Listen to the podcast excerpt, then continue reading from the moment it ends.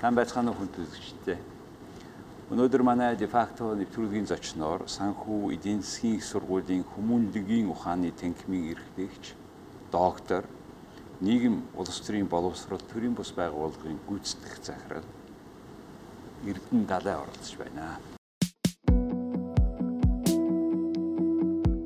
Бат үлзээгийн Эрдэнэ Далай санхүү эдийн засгийн их сургуулийн хүмүүнлэгийн ухааны танхимын эрхлэгч доктор Монгол Улсын их сургуулийг улс төр судлаач нийгмийн ухааны багш мэрэгчлэр улс төр судлалын магистрийн зэрэг, улс төр судлалын докторийн зэргийг улс төрийн намын санхүүжилт, олон улсын туршлага ба Монгол дахь тулгымцсан асуудал сэдвээр хамгаалсан. Тэрээр эрдэм шинжилгээний 33 өгүүлэл, 52 илтгэл, судалгааны төсөлд 10 ажил, сонин сэтгүүлд бичсэн 14 нийтлэл, зөвлөх үйлчилгээ 8, телевиз хэвлэл мэдээллийн хэрэгсэлд 50 гаруй ярилцлага өгсөн байна. Монгол Улсын их сургуулийн орчин үеийн улс төрийн судалгааны төвийн гишүүн, судлаач, Монголын улс төр судлаачдын нэгдсэн холбооны гишүүн, судлаач, Дээд боловсрол судлалын Монголын нийгэмлэгийн гишүүн, судлаач, нийгэм улс төрийн боловсрол төрийн бас байгууллагын гүйцэтгэх захирал, гадаад харилцааны яамны авилгын эсрэг олон нийтийн дэд зөвлөлийн гишүүн зэрэг сонгуульт ажилтай.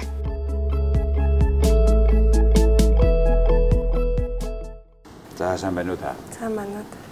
За та саяхан дефакто институттэй хамтраа танай энэ төрийн бус байгууллага нийгэм улс төрийн боловсрол хамтраад энэ Монголын улс төрийн намуудын дотоод ард түмшлийн тухай индекс гаргасан. Анх удаага Монгол улсын улс төрийн амьдралын түүхэнд ийм индекс гаргасан. Яагаад энэ индекс гаргах болсон? Яаж гаргасан тухайгаа ихлэ ярих уу? Аа. За баярлалаа.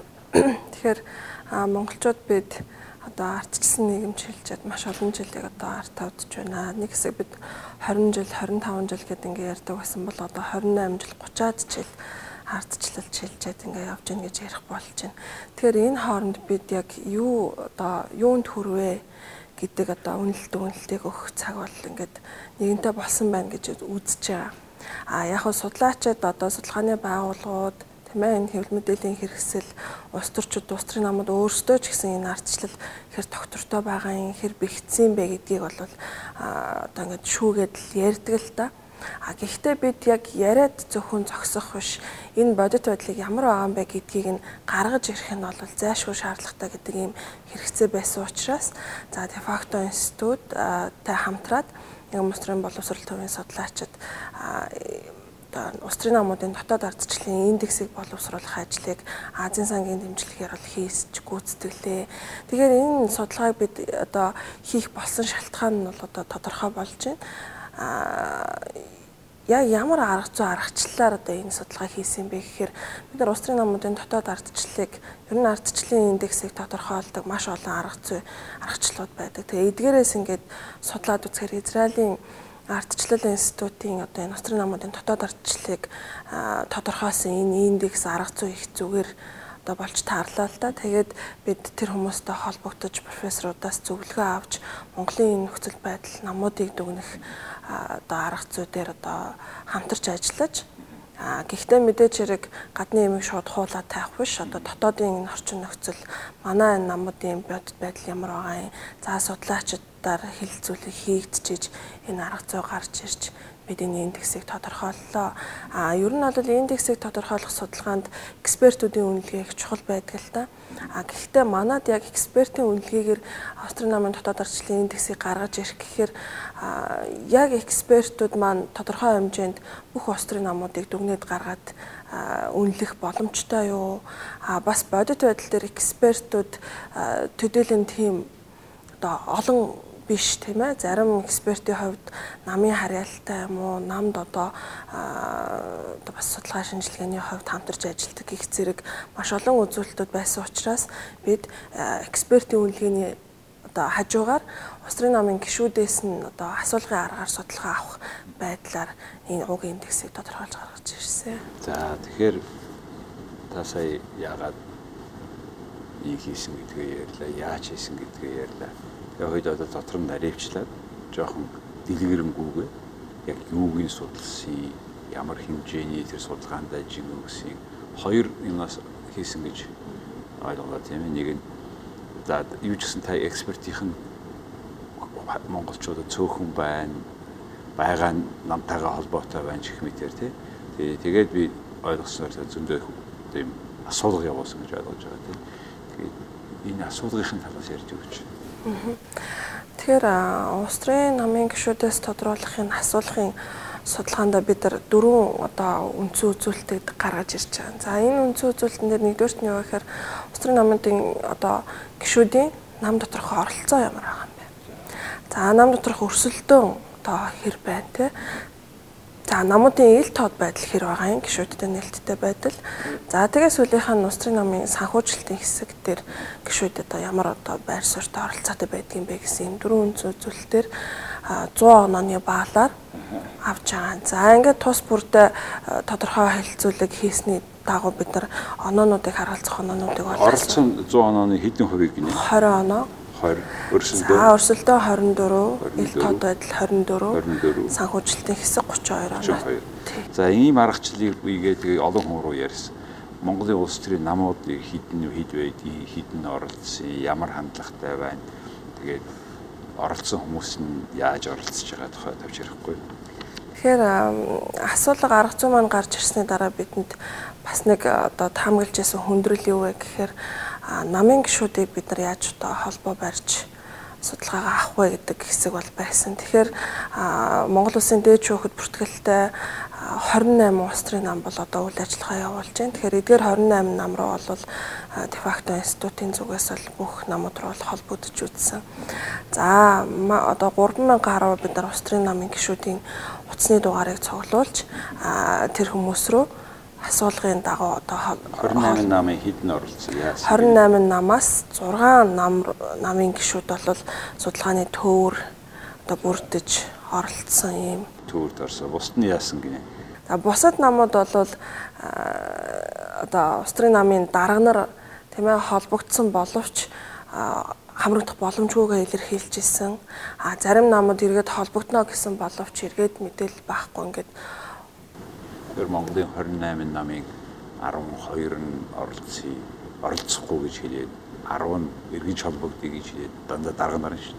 Холбогдохгүй байгаа нь бол Монголын улс төрийн намууд нийгэм олон нийтэд мэдээлэл хүргэхээсээ татгалзаж шүү.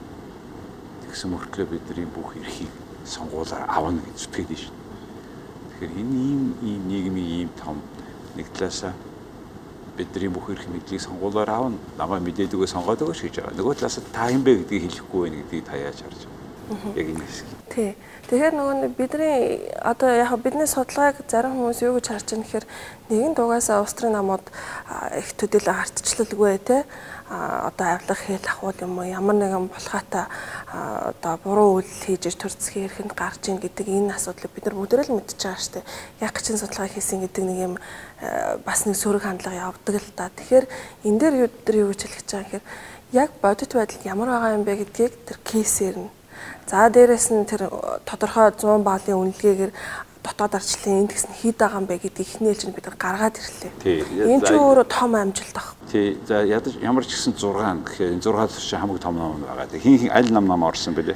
Аа арчсан нам, Монгол ардын нам, за Монгол ардын явсгалт нам, Иргэний зориг нам, хөдөлмөрийн үндэсний нам.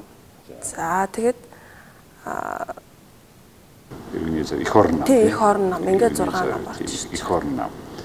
Тий. За ингээд ямар ч гэсэн энэ энэ намуудын нийт гишүүдийн тоогоор стетргүүд 80 90% авчраас энэ намуудынхаа гишүүдийн ярилцлагаар авсан асуулах чинь ерөнхийдөө дүр зураг гаргачнаа тийм ээ нэг тийм хүн байгаа бол нэлээд танигдах хэмжээний гаргачнаа гэж үзээд ингээд ийм 6 ийм намууд буюу хүн гишүүдийнхаа тоогоор дийлинх юм болсон хүмүүсийн дотор ярилцлага хийсэн. За за тэр асуулгыг хийхэд ямар бэрхшээл гарч ирсэн. За нэг ярьж ирж баахан энэ хүмүүсээс бас арай том институт болохоор нь гişүүдийнх нь нэрийг аваа тийм ээ тав хүн. Тэгээд гişүүдийн нэрсийг өөр дэшээ дамжуулахгүй тийм ээ. Тэгээ ингээ гişүүд рүү ингээ яриад тайлбар өгөхөд хідэн хүн нь яг оролцож байна. Энэ аль зэрэг. Яг бид нар намын гишүүдтэй очиод уулзаа судалгаа авна гэдэг бол их хүндрэлтэй л дээ. Бидний судалгааны онцлог нь Улаанбаатар хотын болон нийтдээ за Баян онгоор хөвсгөлд орнод буулган орхон зэргийн аймагуудын оршин суудаг Улсын намын гишүүдээс судалгаагаа авсан. Тэгэхээр хөдөө болон орон нутгийн гишүүд за хөөсийн хувьд эрэгтэй эмэгтэй за насны хувьд насны бүлгээр нь яг жигц оролцсон боловсролын төвшин тий ажил эрхлэлт зэрэг маш олон үзүүлэлтүүдээр ингээд жиг тамрагдсан судалгаа болж чадлаа л да. Тэгээ ингээд аваад үзэхээр намын гишүүд рүү ярихад хүндрэлтэй анхнаасаа л хамгаалж исэн зүйл юу байсан бэ гэхээр нөгөө намын гişүүдээс гişүүдийн нэр одоо яг тэ утас ингээд бид нар заалгаад холбогдоход 10 10-аас 12 дугаар руу залгагдчих нэг одоо хүнээс судалгаа авч ирсэн. Тий. Зөвшөөрөл авдаг. За зарим хүмүүс одоо судалгаанд оролцох боломжгүй гэдэг. А зарим утасны дугаар худлаа байдаг те холбогдох боломжгүй байдаг. Ашиглалтанд байхгүй байдаг. Гих зэрэгээр ингээд бид нар нөгөө намын гişүүдийн бүртгэл бас хэр бодтой үнэн бэ гэдэг дээр бас нэг кейс гарч ирж байна гэсэн үг. А дээж өгт бүртгэлтэй Австрийн намуудын хувьд бол намын гişүүдийн одоо тоо гэж ингэж байдаг штеп. А гэхдээ яг тэр тоо бүртгэл үнэн үү худлаа юу гэдэг эргэлзээ бол маш их байдаг. За намууд сонгуул болохоор манайх 700 мянган гишүүнтэй одоо ингээд 4 500 хүн намаа анаа намд гишүүнээр эсэж байна гэдэг ийм хөөсөн тоонууд явдаг бол энэ тоо бас яг бодит төдлөр хідвэ гэдэг ийм дүр зураг бас харагдаж байна. За намын гишүүдээс судалгаа авч явахын хавцад тэр гişүүд маань тийм ээ жирийн гişүүд дэмжигчд маань Австрийн намын тухай хуулаа за Австрийн намын одоо дотоод арчлалтай холбоотой асуудлууд за ялангуяа тэр санхүүжилтийн хэсэгтээ асуултуудад одоо мэдхгүй байх те энэ талаар ойлголтгүй байх тохиолдлууд бол нэлээд одоо хүндрэлийг дагуулж ирсэн. Тэгэхээр энэ дээр бидний зүгээс бас ямар зүйл хийгдвэ гэхээр зөвхөн судалгаа аваад одоо индексийг гаргаад ирэх дүр зураг харагдсангүй л дээ. Намын гişүүдэд улс төрийн боловсрал олгох ийм үйл ажиллагаа бас тодорхой хэмжээнд явагдлаа. Тэгэхээр судалгаанд хамрагдсан улс төрийн намын гişүүд эргээд одоо тэр намын үйл ажиллагааны тайлан бидэнд нээлттэй байх хэрэгтэй байна. А ямар боломжууд бидэнд байх хэрэгтэй те оролцооны түвшинд өрсөлдөө ил тод байна гэдг нь юу хэлж байгаа. За ялангуяа санхүүжилтийн хувьд ингээд судалгаанаас харахаар намын гişүүд татвараа төлдөг гişүүний татвараа төлдөг хэрнээ хандвиг бол бас төдийлөн одоо өгдөггүй гэсэн ийм дүр зураг ажиглагдаж байна. За өгсөн татвар болон хандвийн эргээд зарцуулалтыг юун зарцуулсан бэ гэдгийг тайлан нэхэж авдаггүй те. Энэ нь одоо их сонирхолтой зүйлүүдийг бас харуулж байна. Тайлан авдаггүй буюу гаргадаггүй л байхгүй нэг? Тий, тий. За ингээд за ингээд улс төрийн намуудыг ингээд сайн сайн бэрхшээлтэй ч гэсэн За бас зүгээр юм асуухаас гадна бас зөндөө юм хэлж өгөх ажил гарсан байна. За ингээ хоёлаа энэ оролцоогоор ингээд энэ ингээрээ явхад ингээ бүгд ингээ үнэллээ шүү дээ. За тэгээд ерөнхийдөө энэ манай намуудын хоёлаа дундаж нь хэд бас? Дундаж оноо одоо жишээ нь за ер нь бол энэ ардчлал институтын үнэлгээгээр бол 30 хүртэлх оноо авсан тохиолдолд энэ ардчлалгүй улс төрийн нам. За За 31-ээс 60 хүртэлх оноо авсан тохиолдолд хагас ардчилсан нам. За тэгээ 61-ээс 100 хүртэлх оноон дээр бол ардчилсан нам гэсэн ийм үзүүлэлт бол гарч ирдэг, шалгуур байдаг. За манай намуудыг аваад үзэхээр нийт судалгаанд хамрагдсан 6 намаас 42.7 онооноос за 54.2 хүртэлх оноог бол авсан. За 42-оос 54. За. Тэгэхээр энэ юг харуулж нэхэр энэ намуудыг дээр доор нь жагсаахтаа одоо бид нар эхний удаадаа бол нэг одоо чухалчилсангүй те яг авсан оноо нь бол ийм байна. А тэгээд ерөнхийд нь ингээ багцлаад харахаар манай намууд хагас ардчилсан гэдэг ангилалд орчиж байна. За тэгэхээр Монгол улсын улс төрийн намууд хагас ардчилсан гэсэн ангилалд орж байна гэж. Энийг бол тэр 6 намын буюу ихэнх гишүүдийн том намууд нь орсон учраас үндэслэлээ гэж нэг талаас. Тэгэхээр Одоо энэ одоо хагас ардчилсан байна гэдэг бол хамгийн анхаарал татж байгаа зүйлүүд нь энэ дотроо юу байсан бэ? Оролцоо, өрсөлдөөн, ил тод байдал, санхүүжилтийн дөрвөн юмнаас хамгийн их одоо энэ нөгөө бүтэн ардчилсан тал руугаа явхад юунд анхаарах хэрэгтэй бэ? Улс төрийн намууд гэж харваа.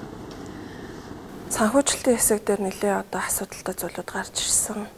За нэр дэвшигчд одоо өрсөлдөхтэй одоо ялангуяа бүх шатны сонгуульд одоо өрсөлдөх оролцооны түвшин ямар байна вэ гэдэг ингээ бусад үзүүлэлттэйгээ маш их холбогдож байгаа юм л да энэ хэсэг маань. Тэгээ ингээ харахаар санхүүжилт дээр ерөөсөө л нэр дэвшчихта нөгөө дэнчин буюу тодорхой хэмжээний хамгийн эхний шалгуур дээр нь босго мөнгөний хэмжээг тавьж өгдөг нь энэ намын гишүүдэд үнэхээр таалагдахгүй байна. Бидний оролцоо өрсөлдөх боломж бол энд үнэхээр хаалттай байна гэдэг зураг. Энэ чи юу хийж яах гэхээр мөнгөтэйхэн улс руу орно гэж хэлэх гэж байна. Зээлээ чамаагүй ороод гэж хэлж дээ юм уу? Ямар нэгэн зээл авцсан бол тэгээд тэгээд нөгөө буцаага тайлан гаргадаг учраас энэ утгаар энэ Монголын авилгын юм том уу авилга өрөх том хаалга нь онгорхой байгаа гэсэн тийм ээ. Тэгэхээр энийг энэ санхүүжилтийг Монгол улсын тэр улс улсын намууч хагас хардчихсан байна Энийг ардчилсан болгохын тулд нэгдүгээр шийдэх асуудал санхүүжилт байх хэрэгтэй байна тийм. Ийл тод байх хэрэгтэй юм байна. За тэгээд улс төрийн намууд нөгөө мөнгөтэй хүнээс янз бүрийн хэлбэр мөнгө авчаа. Буцаага төлбөрт нь одоо төрөө ирэх авах юм бол албан тушаал тендер өгөөд байна гэж үзэж байгаа. Тэгэхээр энийг зогсоох юм аргагүй. Тий. Таавал өөрөө ингээд ер нь манайд яг улс төрийн намуудын дотоод санхүүжилт ардчлалын тухай судалдаг цөөхөн эрдэмтэд доктор хүн бүр цөөхөн юм байна. Тэгэхээр та энийг олон жил судалж байгаа доктор хүний хувьд яг энэ санхүүжилтээр хоёул жоохон тогтоод яавал энэ асуудлыг шийдэх вэ? Яаж шийдэх вэ? Энийг шийдэхгүйгээр Монголын ардчлалыг шийдэж чадахгүй болчихно шүү. Тэгж байна. Одоо ерөөсөө Монголын нийгэм эдийн засаг тийм ээ Австрийн амьдрал тохиолдож байгаа бүхий сөрөг одоо үр дагавруудын гол зангилаа нь юу вэ гэхээр энэ Австрийн санхүүжилтийн асуудал. За намын санхүүжилт болон сонгуулийн санхүүжилтийн асуудал энд давхар орж ирж байна гэсэн үг. Тэгэхээр улс төрийн санхүүжилтийн асуудлыг бид нар одоо эргээр зөвөр тийм ээ их мундаг одоо гарц гаргалгаа гаргаж шийдэхин тулд олон нийтийн хяналт үнэхэр чухал. За тийм учраас бид энэний одоо эхний алхам болгож л одоо намын гишүүд иргэдэд нээлттэй байлгах улс төрийн намуудын одоо тэр санхүүжилтийг яаж одоо хянах уу гэдэг асуудал дээр одоо эхний ээлжинд энэ индексийг тодорхойлох судалгааг бас хийлээ гэж болохоор байна л да. Тэгэхээр энэ судалгааг их зөвөр харах хэрэгтэй. Зөвөр хин нэгний захиалгаар биш ямар нэгэн намын одоо хяналтанд биш те захиалгаар биш хийгдэж байгаа судалгаа зүгээр хөндлөнгийн судлаачтай хийж байгаа судалгаанд одоо иргэд ялангуяа намын судалгаанд хамрагдсан намын гишүүд за хамрагдаж чадаагүй ч гэсэн бусад одоо тийм ээ гишүүд энэ дээр бол их одоо яаж хүлээж авах вэ гэдэг нэг чухал байна л да. Үнэхээр бид намуудын тэр үйл ажиллагаа ялангуяа санхүүжилттэй хэсгийг үнэхээр хянж чаддгүй байна гэдг нь харагдаж байна. Зөвхөн ихний судалгаагаар. А тэгэхээр судлаачид яриа л байдаг тийм нэг хэвлэл мэдээлэл хэрэгслэр сонгуульд өгөхөөр ярьдаг. Эсвэл сонгуулийн ерөнхий хорон дээр нэг зарлалын тайлан тавигдах үеэр энэ тийм байна, ийм байна гэдэг ерөнхий багцаа яригддаг боловч яг бодит байдлаар бид нар үр дүнтэй зүйлийг гаргаж ирч чадахгүй байна. Тэгэхээр манай намын хуулиар сонгуулийн хуулиар сонгуул гарсан зардлаа. Сарын дотор тайлан өгөөд сонгуулийн ерөнхий хороо бүртгэж аваа. Ингээд тэнд байх ёстой гэсэн заалт байдаг. Сонгуулийн ерөнхий хороо хаяа нэг тийм ихсээ шийд нэг жоохон харагдаад хэд хоног байж авчаад байгаа. Тэгэхээр яавал энэ сонгуулийн ерөнхий хороо ер нь өөр улс төрийн намуудаас ангид болгох юм.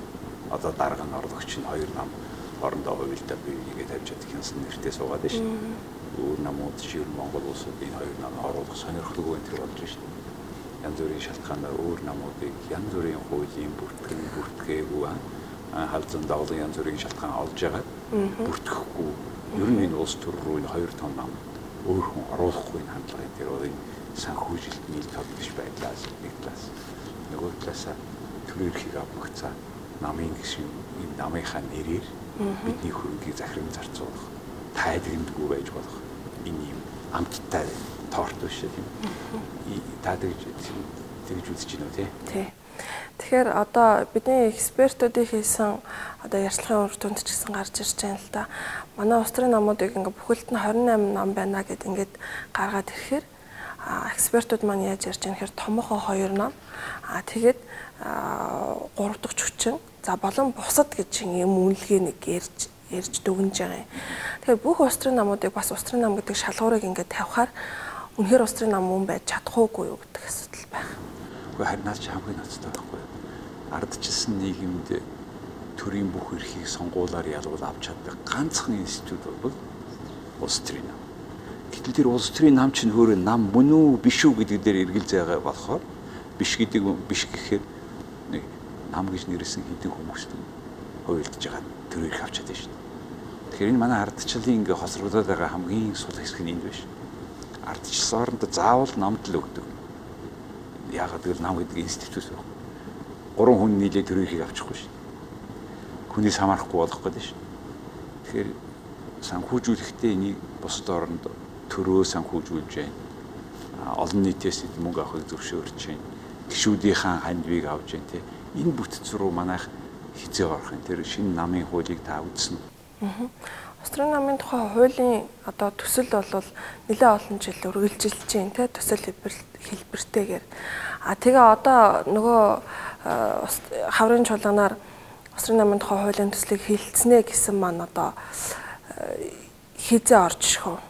Гэхдээ тэр байхгүй л байна л да хүлээгдэж байна. Хавар намар, хавар намар, хавар намар гэж хойшлуулад хойшлуулад яагаад гэвэл тэр хууль ороод батлагдчихсан бол энэ хүмүүс чинь нэг ууж идэх боломж нь хаагдчих гад шүү дээ.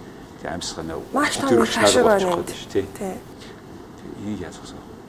Яаж шаардах вэ? Иргэд нийтгээ шаардах. Одоо бид түрүүн та хэллээ л дээ.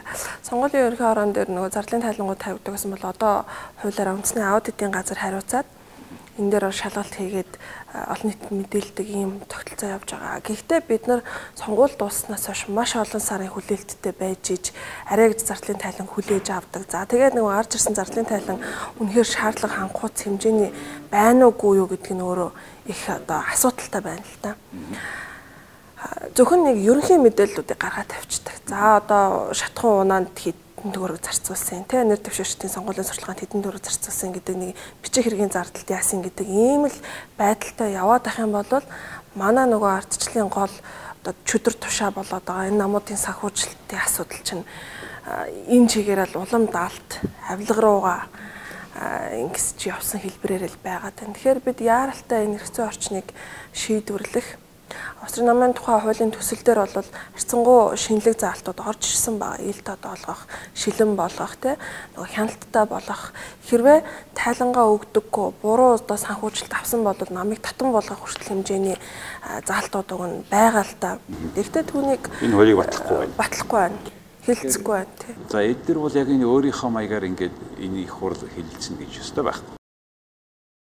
Тэгэж хойтон сонгуулах хууль дээр нь тийм ээ Тэгэхээр энийг ийм гинт хараад ирэх тохиолдлын нэг зүйл бол тохиолдол юм биш. Энийг одоо шийдэж болох нэг үйл явдал бол одоо энэ одоо төрийн эрх барьж байгаа улс төрийн нам дотроос тодорхой гишүүд нь санал гаргаад одоо тэр 60 тэрбумын хэрэг гэж хамгийн одоо бүр ингээд барагтай амтнд ч ойлгомжтой нэг юм хэрэг болчлоо шүү дээ. Ингээд амьд бичлэг гараад ирсэн.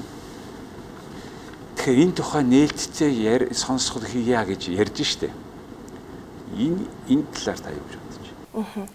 Аа. Яг нээлттэй сонсгол хийж болно л доо. Юм бол бас тодорхой хэмжээнд иргэдэд те сонгогчдод бол нээлттэй болно. А гэхдээ нөгөө намууд энийг хийх ялангуяа тэр асуудалд оролцсон нам энийг хийх үгүй юу? Оролцсон гол хүн улсын хурлын дарга өөрөө байж байгаа тийм ээ. Тий. Тэгэхээр тэрийг хийх үгүй юу? Ялангуяа та хэллээ сонгуульд өгч чинь. Тий. Сонгуульд өгөх тусам энэ нь бол хаалттай хэвээр дарагдах хэлбэрлүүл явах өөр асуудлууд гарч ирж байна. Тэг. Гэхдээ энэ асуудлаар одоо тэр яагаад их хурлын одоо 19 гишүүн дэмжсэн байна тийм ээ. Тэгээ саяхан би одоо жишээ бод дэмжсэн хүмүүсийн дэмжээгүй хүмүүс нь эрсэр гараа явж байна л.